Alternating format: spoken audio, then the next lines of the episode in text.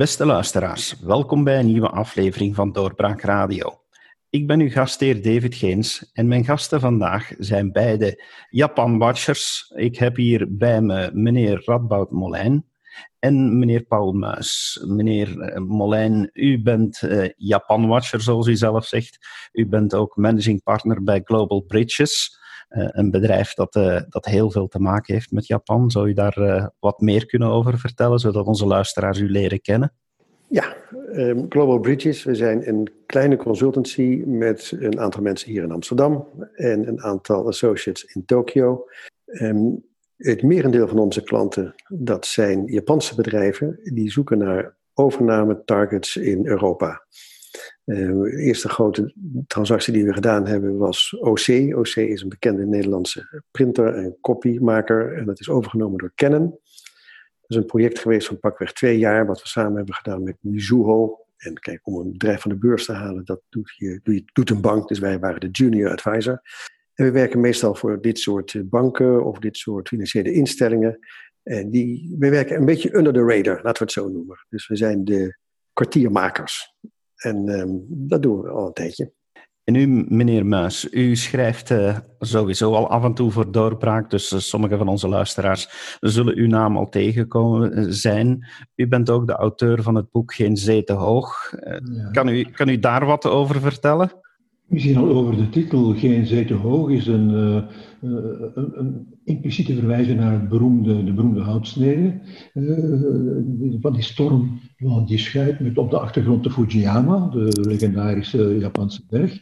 Maar de titel betekent toch ook wel dat voor Japan geen zee te hoog gaat, dat het land voor enorme opgaven en uitdagingen staat. En het, die altijd vier klauwens heeft uh, aanvaard en te lijf is gegaan. Denk maar aan de totale vernietiging na de Tweede Wereldoorlog en de manier en de, de verve en de ijver en de, het succes waarmee die, die tegenslag is te boven gekomen. Het is niet de enige tegenslag en niet de enige uitdaging. Er zijn er enorme die nu nog op Japan wachten. Waarbij de grootste, alles overheersende bedreiging die van de de vergrijzing is, hè, de, de, totaal snelle veroudering van de bevolking. Op het ogenblik, we zijn nu met een 125 miljoen zielen. Op het ogenblik neemt die bevolking met een, raad over een half miljoen per jaar af. Uh, en dat, dat tempo zal nog versnellen, waardoor tegen het einde van deze eeuw, dat is nog ver, dat weet ik, dat is in het jaar uh, ja, over uh, 80 jaar, het einde van deze eeuw het land misschien nog maar een 70 of 80 miljoen mensen zal hebben. Dat is natuurlijk maar een raming. Men kan dat niet zo precies zeggen. Maar dat zijn enorme problemen. Eigenlijk is een probleem dat nog nooit in de geschiedenis van de mensheid is voorgekomen, denk ik. Een zo snelle ontvolking en wat dat betekent voor een land. Ik vind het ja. een spannende vraag. Ja. Ik heb er geen antwoord op van hoe, hoe dat land er dan zal uitzien. Ik ga daar straks even nog uh, verder op ja. ingaan, maar ik zou uh, willen starten met uh, de reden waarom ik jullie uitgenodigd heb voor dit gesprek in onze podcast. En ik wil jullie eerst alvast bedanken dat jullie de tijd daar wilden voor vrijmaken om, vanuit jullie specialisatie als Japan-watcher. want ik vind het zo mooi dat meneer Molijn zegt van hoe langer ik het land ken, hoe minder ik mezelf een kenner noem, omdat het zo anders is. Maar ja, er staat wat te gebeuren in Japan. Uh, er is een, een machtswisselopkomst. En uh, dat was de concrete aanleiding waarom ik toch even de spotlights op dat land wilde uh, zetten. Nu, premier Abe, die heeft aangekondigd dat hij om gezondheidsredenen een stap gaat terugzetten. En dat brengt wel wat teweeg in Japan, want hij was al vrij lang premier, dacht ik. is dat niet zo, meneer Molijn? Ja, dit is zijn tweede um, periode overigens. Hij heeft er ook gezeten vanaf 2006, 2007. Toen heeft hij moeten aftreden vanwege dezelfde reden waarom hij nu is afgetreden. Uh, in 2012 is hij, heeft hij uh, een nieuwe kans gekregen. En het is op zich een hele prestatie, vind ik, wat je ook van meneer Abe mag vinden, dat hij het zo'n zo'n kleine acht jaar heeft volgehouden. Want de premierwissels in Japan zijn vaak heel frequent. Er zijn perioden geweest um, voor uh, premier Abe uh, dat dat pakweg één per jaar was, of eh, één per, één per half, anderhalf jaar. Dus dat is echt heel veel. Um, en Japan was natuurlijk ook in een, in ingewikkelde situatie. 2012, meneer Muis, u refereerde er al naar, naar de rampen die Japan kunnen overkomen. Nou ja, ik heb één zo'n ramp meegemaakt. Ik was op 3 maart 2011, toen het tsunami en de grote East Tohoku earthquake plaatsvond, was ik in Tokio. nou, Tokio was op zich ver weg van het epicentrum, maar toch was je daar ook al aan, het, aan het schudden. Ehm, en wat je dan ziet, is dat op het moment dat er een grote crisis is, dan zijn alle. Er komt iedereen bij elkaar in de zin van men. Tegenstellingen bestaan niet meer. Het is handen uit de mouwen. En je ziet een geweldige krachtsinspanning om op in een hele korte tijd om het land weer op de been te krijgen. Ik moet zeggen, tijdens die beving, nou, nogmaals, ik zat in, in Tokio in een bespreking. Um, je gaat onmiddellijk proberen naar buiten te komen en midden op de straat. En daar zie je na pakweg drie, vier minuten, zie je daar dus al die Japanners. Dan zie je keurig met een helmpje op vanaf eh, de noodtrappen van zo'n 30 verdiepingen hoog. Gewoon keurig gedisciplineerd naar beneden lopen. Dus op het moment, dat wil ik maar zeggen, dat er echte druk is, dan zie je dat het een heel georganiseerd land is. Terwijl je kijkt naar de politiek, dan zie je vaak dat het heel erg rommelig is. En meneer Abe is wat dat betreft de uitzondering op de regel. Meneer Muis, hoe schat u meneer AB in? Wat, uh, wat is het belang geweest van, van het feit dat hij toch zo relatief lang aan de macht is geweest in Japan? Wel, heeft een voor een soort continuïteit gezorgd. En uh, wat ik wel vond, is dat hij maar voor een deel zijn, zijn dromen of zijn plannen kon waarmaken. Hij heeft een, een, plan van economische relance uh, gelanceerd, maar de omstandigheden waren er ook niet naar om dat plan te doen slagen. Uh, en dat wordt nu alleen nog maar erger door, door de hele coronatoestand. Maar hij is een man van continuïteit geweest en zijn belangrijkste rol vind ik eigenlijk al op internationaal gebied. Hij heeft het land uh, tot, het land tot een, partner van vele anderen gemaakt. Er is de, de, de Transcontinental, de Trans-Pacific Partnership bijvoorbeeld. Hè. Het, uh, het, het, grote partnership, er is ook het partnership met de Europese Unie. Dus Japan is wat op economisch en commercieel gebied toch internationaler geworden dan het dat al was. Ja, en dat, dat is, het is een prachtig voorbeeld wat hij geeft over die, ook die, die handelsovereenkomst met Europa eigenlijk is het niet in de aard van het beestje. Hè? Meneer Abe zelf is een, een, een zeer conservatief iemand. Uh, je, zal, je kan hem ook best nationalistisch noemen. Dus het zou helemaal niet zo in de lijn van de verwachting liggen dat hij zo internationaal uh, heeft gescoord en zijn best heeft gedaan. Maar dat, dat is absoluut een, een, een grote meerwaarde van hem geweest. Misschien is het ook wel belangrijk omdat op termijn de bevolking uh, krimpt, dat de binnenlandse markt ook uh, minder belangrijk wordt. En er is nog belangrijker dat je als land je, je, vleugels uitslaat en sterke internationale commerciële banden in het leven roept of in het leven houdt. Ja, ja en, en Ehm, u noemde al net die sterke vergrijzing en het feit dat er, nou wat is het, een half miljoen mensen, een half miljoen native Japanners per jaar minder zijn. Ik heb dat een aantal jaar geleden gevolgd, hoe dat hele debat is verlopen in het parlement over immigratie. want Japan is natuurlijk op zich totaal geen immigratieland.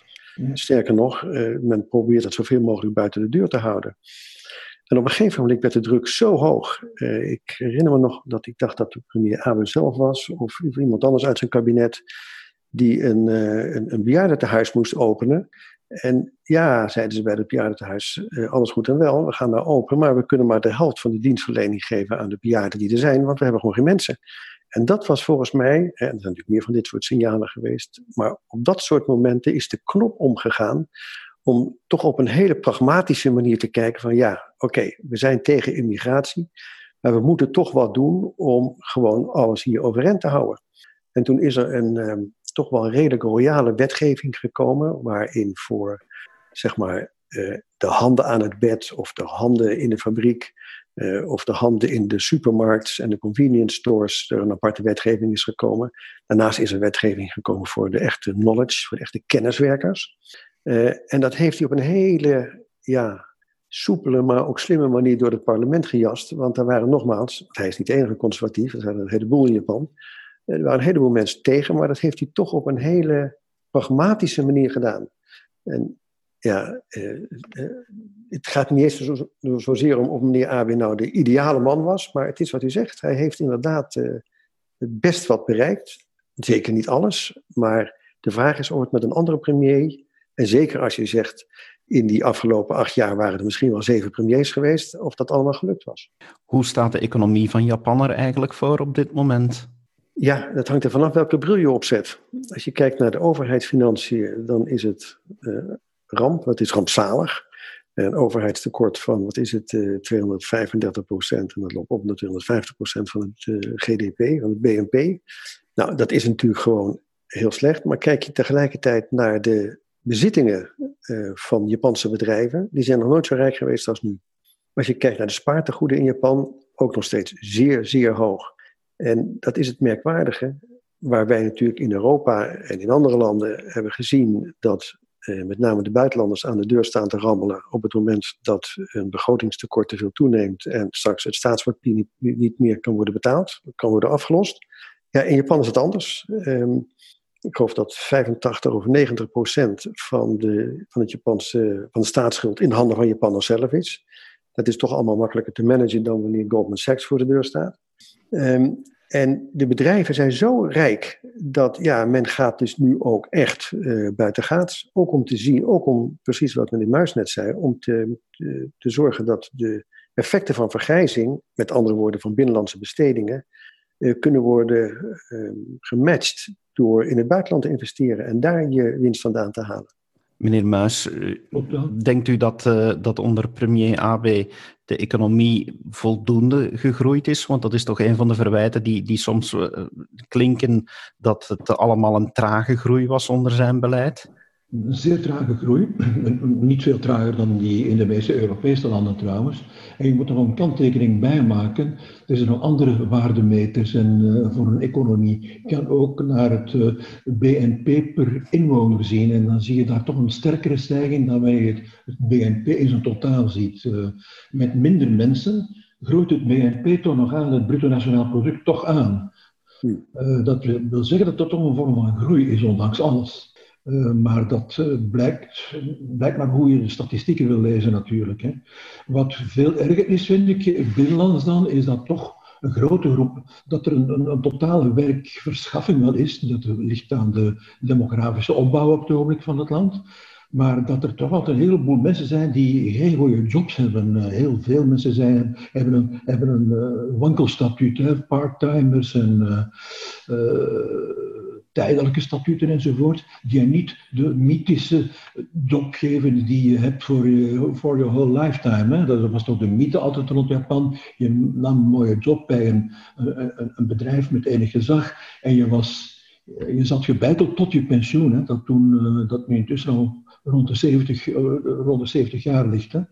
Ja. Uh, maar die tijd is voor voorbij. Er is nog maar een minderheid van mensen die dat, dat vaste werk tot het einde heeft met op die ene job voor die ene firma. Dat is aan het veranderen. Een grote groep die, dat, die daar dus buiten valt en die minder goed af is, veel minder maatschappelijke voordeel heeft, minder consumeert dus ook natuurlijk. Hè. Nog een manier waarop de markt aan het afkalven is eigenlijk, als het ware. En uh, daar wordt niet aan gedaan. Het heeft zelfs repercussies voor de, voor de, voor de bevolkingsgroei, zeg maar. Dat jonge mensen, omdat ze geen, wankel, geen vaste baan hebben, niet meer willen trouwen. En in Japan moet je trouwen, wil je kinderen hebben enzovoort. Dat is niet zo als in West-Europa natuurlijk. Hè. Daar wordt uh, niet buiten het huwelijk samengeleefd, of toch bijzonder weinig. En uh, dat helpt allemaal niet dat die, dat die mensen niet aan behoorlijk werk komen. En dat in een land waar geen werkloosheid bestaat op de koop toe. Daar ja, nou, dat is overigens een, een, flink stuk van, uh, van de mensen die je uh, bij wijze van spreken langs de weg ziet staan. Uh, met bordjes hè, rond een, nou ja, een, een, werkzaamheid aan het riool bijvoorbeeld. Ja. Nou, dan hebben we in, in België en in Nederland, dan heb je daar misschien twee meneren rond staan die wat zwaaien met een vlaggetje, als je dat al hebt. En in Japan staan er acht of negen kereltjes staan te zwaaien met zo'n vlaggetje. En er is ook iets van. Um, er zit een, zekere mate van inefficiency in. En dus nog even terugkomend op de vraag hoe het met de economie gaat. Daar zie je ook een merkwaardige tweedeling. Als je kijkt naar blue collar, die is buitengewoon efficiënt en die, die scoort het hoogst van alle OESO-landen. Kijk je naar white collar, dan scoort het het laagste van alle OESO-landen. En dat zit dus voor een stuk in die service sector. Die service sector die is niet efficiënt. En tegelijkertijd is dat een geweldige plaats voor allerlei of het nou gepensioneerden zijn, of dat het mensen zijn die een bijbaantje willen hebben, om, dat, om die mensen aan het werk te houden. Want ook de Japanse overheid beseft dat ehm, als er geen mogelijkheid is om te werken, dat dat gewoon slecht is voor de bevolking. En dat brengt me nog op een ander punt. Uh, een Japanner heeft, um, voor wat betreft zijn identiteit, is hij veel afhankelijker van het werk dan bij ons.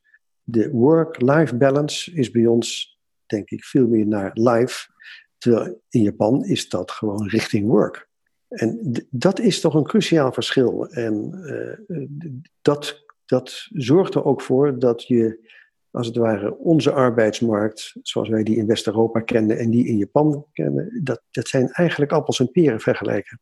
Ja, ik merk het toch bij jongere Japanners dat ze uh, naar Europa of naar het Westen kijken voor hun, de inrichting van hun leven eigenlijk. En, en zeggen dat de, dat de balans toch wel heel te zwaar richting werk is, uh, is doorgeslagen. Er zijn toch die zeggen, ik wil leven, zijn dat wel meestal mensen met internationale contacten. Mensen die kunnen vergelijken met wat er in de States en in Europa gebeurt natuurlijk. En die zeggen dan toch, wij willen meer een balans tussen work en life dan wat we nu hebben. Niet helemaal doorslaan in de richting wat wij in Europa hebben met onze 37-urige werkweek, maar toch een leven met meer, een prettiger leven of een zinvoller leven zullen vinden. Ja, ja, dat, dat, het grappige is dat als je kijkt naar die Japanse expats die naar West-Europa komen om hier de leiding van een, een dochteronderneming te, te leiden, um, daar zie je dat die mensen ook niet, helemaal niet graag terug willen.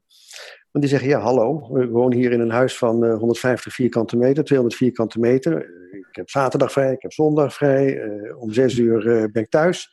En dan moet ik weer op een appartementje van 45 vierkante meter in Tokio gaan zitten.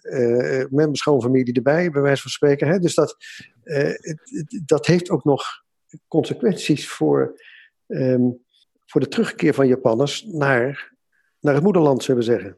Alleszins, uh, dat blijkt wel, ja. Dus ja, naarmate ze meer internationale contacten hebben, kunnen ze zelf ook wel vergelijken en, en hun eigen leefsituatie evalueren natuurlijk. Hè. Ja. Wat me opviel, omdat het dan toch over uh, AB gaat, is dat jongeren helemaal niet zo erg in hun schik zijn met, met AB en zijn politieke familie, zal ik het maar noemen. Uh, er wordt gelachen, we hebben nog helemaal dikwijls gelachen met de slaafsheid van AB ten opzichte van de Amerikaanse president Trump bijvoorbeeld. De, de gezamenlijke golfpartijen, het, het uh, voordragen van Trump als uh, Nobelprijswinnaar voor de vrede enzovoort. Een prijs die hij waarschijnlijk niet zal krijgen, maar goed, dat soort bijna slaafsheid ten opzichte van Amerika, dat vond men ook nog typisch iets voor die Shinzo Abe. Is ja. al de nalatenschap van premier Abe die we zeker moeten vernoemen? Is er iets waarvan hij zelf heeft gezegd van kijk, dit wil ik echt wel bereiken en is hij daarin gelukt? Of is er net iets waar hij echt ongelooflijk is in mislukt in wat uh, zijn beloftes waren? Goh, um, hij heeft zeker niet bereikt wat hij wou. Hij heeft natuurlijk de tijd niet gehad om, om zijn, zijn ambtstermijn uit te doen natuurlijk. Hè. Wat hij niet heeft is, door de omstandigheden die we kennen, de Olympische Spelen die niet zijn doorgegaan natuurlijk. Hè. Wat een belangrijk prestigeobject was, want ook zijn grootvader Kishi, als, als bekroning van zijn werk, de wereldtentoonstelling, was de Olympische Spelen in 1964. Uh, dat soort dingen. En, hij wil dat voortzetten. Maar eigenlijk heeft zijn plannen nooit echt uh, tot een goed einde kunnen brengen. Hè. Hij, hij wil dan toch uh, de welvaart een boost geven en de, de, economie moderniseren, meer, doen consumeren enzovoort. Dat is allemaal niet erg. De rol van de vrouw is nog zoiets. Hè. Hij zegt, ik wil dat de vrouw wil schitteren, maar op het staat me nog nergens wat de positie van de vrouw betreft. We hebben nu met moeite één vrouwelijke minister. En dan in, voor het rest is het een, is het een macho mannenmaatschappij nog altijd. Hè? Uitzonderingen niet ten aangesproken, weliswaar. Ja. Daar heeft hij alleen maar van gezegd dat zou moeten verbeteren. Dus hij is nog een, een, een, een, premier geworden van vele goede voornemens. Met een brede kloof tussen de droom en aan de andere kant de daad. Ja. En die ja. daad heeft hij altijd kunnen uh, waarmaken. Tegelijkertijd, als je kijkt waar hij uh, buitengewoon goed in is geslaagd, hè, uh, het aantal toeristen uh, wat naar Japan komt, dat is drastisch toegenomen. Uh, en dat is toch een niet geringe bron van inkomsten. Nou, dat is mm -hmm. toch, zeg maar, onder zijn regime is dat gebeurd.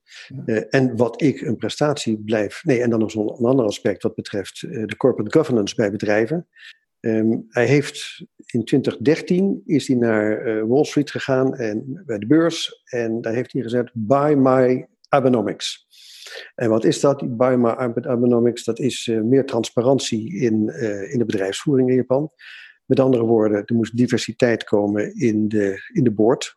Uh, nou, ik, ik zit zelf zeg maar in, in de board van een Japans bedrijf hier in Europa. En ik zie zeg maar hoe dat ook in Japan bij de moeder is geregeld.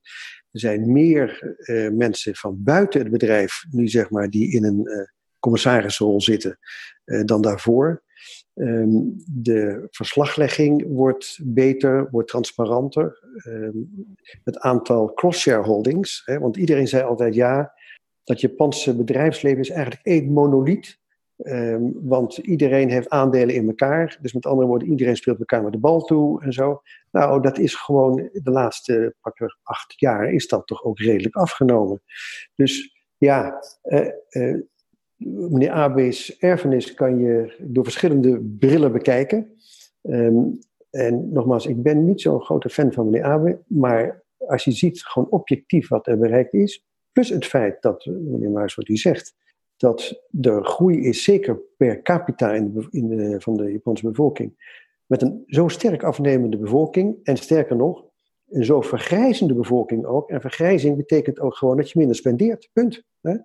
Dat vind ik toch een hele prestatie. Dus ja, uh, is een, het is een gemengde erfenis, maar zijn opvolger, die overigens uit hetzelfde hout is gesneden, behalve dat het een absolute self-made man is, uh, uit een uh, nederige afkomst, met een nederige afkomst, um, die, die zal in wezen dit beleid, denk ik, voortzetten. Wat weten we al over zijn opvolger? Nou, het is. Meneer Muis? Nee, doe maar. Ja, uh, nou, ik vind het wel een fascinerende meneer. Uh, hij, was, hij is beroemd geworden in Japan, want hij was uh, zeg maar eh, chef kabinetssecretaris, eigenlijk de adjudant van de premier. Dat is toen hij de naam van de nieuwe periode bij het aantreden van de nieuwe keizer bekend maakte, Reiwa.